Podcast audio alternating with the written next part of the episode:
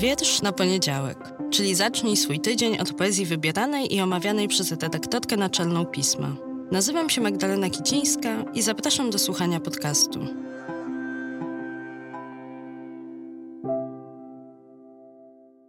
Cześć, dzień dobry, dobry wieczór. Witam Was w kolejny poniedziałek, w kolejnym odcinku podcastu. Zaledwie kilka dni temu mówiłam do Was o swoich szczecińskich wrażeniach i poetyckich wędrówkach, które to miasto zainspirowało. A dzisiaj znowu jestem tam myślami, bo to właśnie w tym mieście ostatnio widziałam Odrę. Odrę, z której nadciągają straszne wiadomości, wiadomości o zatruciu, o zabójstwie, jakie na tej rzece ktoś i coś dokonuje, bo to jest niestety proces, który trwa. Nie znam jeszcze jego źródeł, ale wiemy już, że jego efekty będą długo, długo trwały i te zdjęcia mnie mocno przerażają i to, co się z rzeką dzieje w rzece dookoła niej, co będzie się działo z organizmami, które są od niej zależne. I może to wszystko jest bardzo dalekie od poezji, a przecież dookoła niej się tutaj spotykamy, ale z drugiej strony poezja to refleksja o tym, co dla nas ważne, to refleksja o współzależnościach, jakie nas łączą z innymi organizmami, z innymi bytami, podmiotami, o tym, co wspólne, co się między nami dzieje kiedy szukałam sobie dzisiaj jakichś słów pocieszenia, to muszę Wam przyznać, że zajrzałam do różnych poetów i poetek na ich profile w mediach społecznościowych, żeby zobaczyć, jak oni, one reagują na to, co się dzieje, bo że będą reagować, no wiedziałam, bo no właśnie, poeci, poetki, osoby wrażliwe na to, co dookoła nich, no nie mogli nie zareagować. I bardzo poruszył mnie taki dwuwiersz Wojciecha Bonowicza, który opublikował post pytanie, post Dwie Rzeki. I pod tym tytułem zadaję takie pytanie, więc tak to teraz będzie.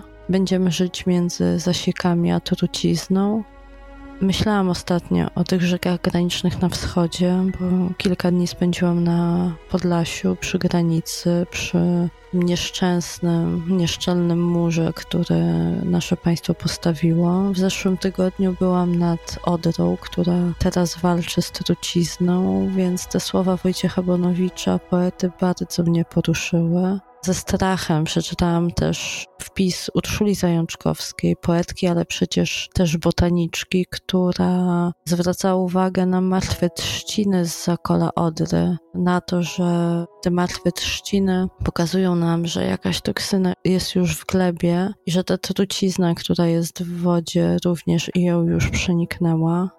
Szukałam pocieszenia u Małgorzaty Lebdy, która, jak pamiętacie, w zeszłym roku biegnęła wzdłuż innej pięknej, wielkiej polskiej rzeki, wzdłuż Wisły, we wrześniu ubiegłego roku jako czytanie wody. Ten projekt, pismo mu matronowało, patronowało i relacjonowało. I teraz we wrześniowym numerze ukaże się taki tekst Małgosi, która po roku wraca do tych doświadczeń i nie mogłam jej nie poprosić o taki PS do tego tekstu napisany pod wpływem tych wydarzeń, które obserwujemy związanych z Odrą.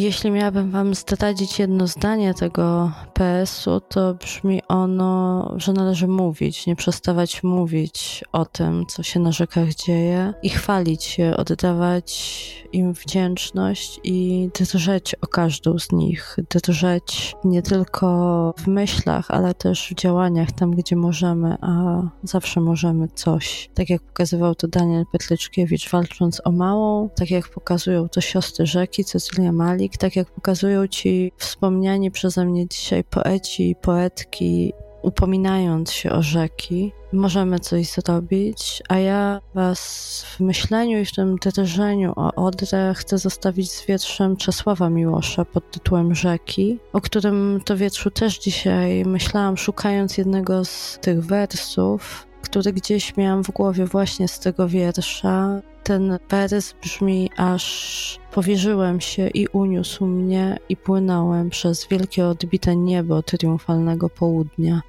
To jest wers wiersza, które chciałabym, żebyśmy w sobie przez chwilę potrzymali, patrząc na to, co się z Odrą dzieje i upominali się o to potem, by ci, którzy są tego winni, winni tego zatrucia i nieadekwatnego, nie szybkiego działania po tym, kiedy ono się już wydarzyło, zostali ukarani. Czesław Miłosz Rzeki. Pod rozmaitymi imionami was tylko sławiłem rzeki. Wy jesteście i miód, i miłość, i śmierć, i taniec. Od źródła w tajemnych grotach bijącego spośród omszałych kamieni, gdzie bogini ze swoich dzbanów nalewa wodę żywą, od jasnych zdrojów na murawach, pod którymi szemrzą poniki, zaczyna się wasz bieg i mój bieg, i zachwyt, i przemijanie. Na słońce wystawiłem twarz, nagi, sterujący z rzadka zanurzeniem wiosła, i mknęły dębowe lasy, łąki, sosnowy bór. Za każdym zakrętem otwierała się przede mną ziemia obietnicy, dymy wiosek, senne stada, loty jaskółek brzegówek, piaskowe obrywy.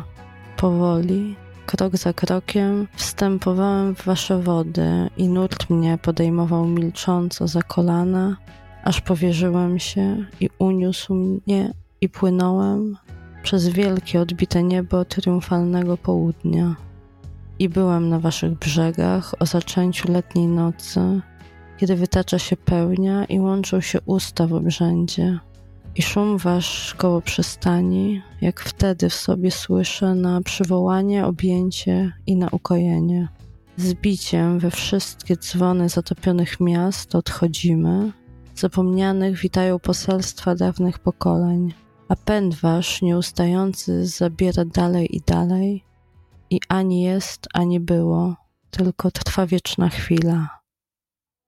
A zanim się z Wami jeszcze całkiem rozstanę, to bardzo Was zapraszam na spotkania z poetą Serhijem Żadanem, które w tym tygodniu w Polsce będą miały miejsce. Spotkania połączone są ze zbiórką na rzecz wozu dla służb medycznych w Charkowie. Jak wiecie, Serhii Żadan aktywnie wspiera swoich rodaków i rodaczki w walce. Przyjeżdża na te spotkania też po to, żeby opowiedzieć o tym, co w Ukrainie, co w Charkowie, co na wschodzie Ukrainy. Zapraszam Was serdecznie i gorąco. Przyjdźcie, bądźcie, słuchajcie i wspierajcie jego zbiórkę. 17 sierpnia o 19 w Warszawie na placu Defilat, 18 w czwartek w Krakowie w Pałacu Potockich i 20 sierpnia o 17 w sobotę w Kulturze Enter w Lublinie.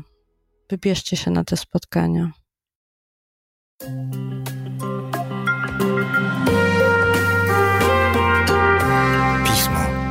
magazyn opinii.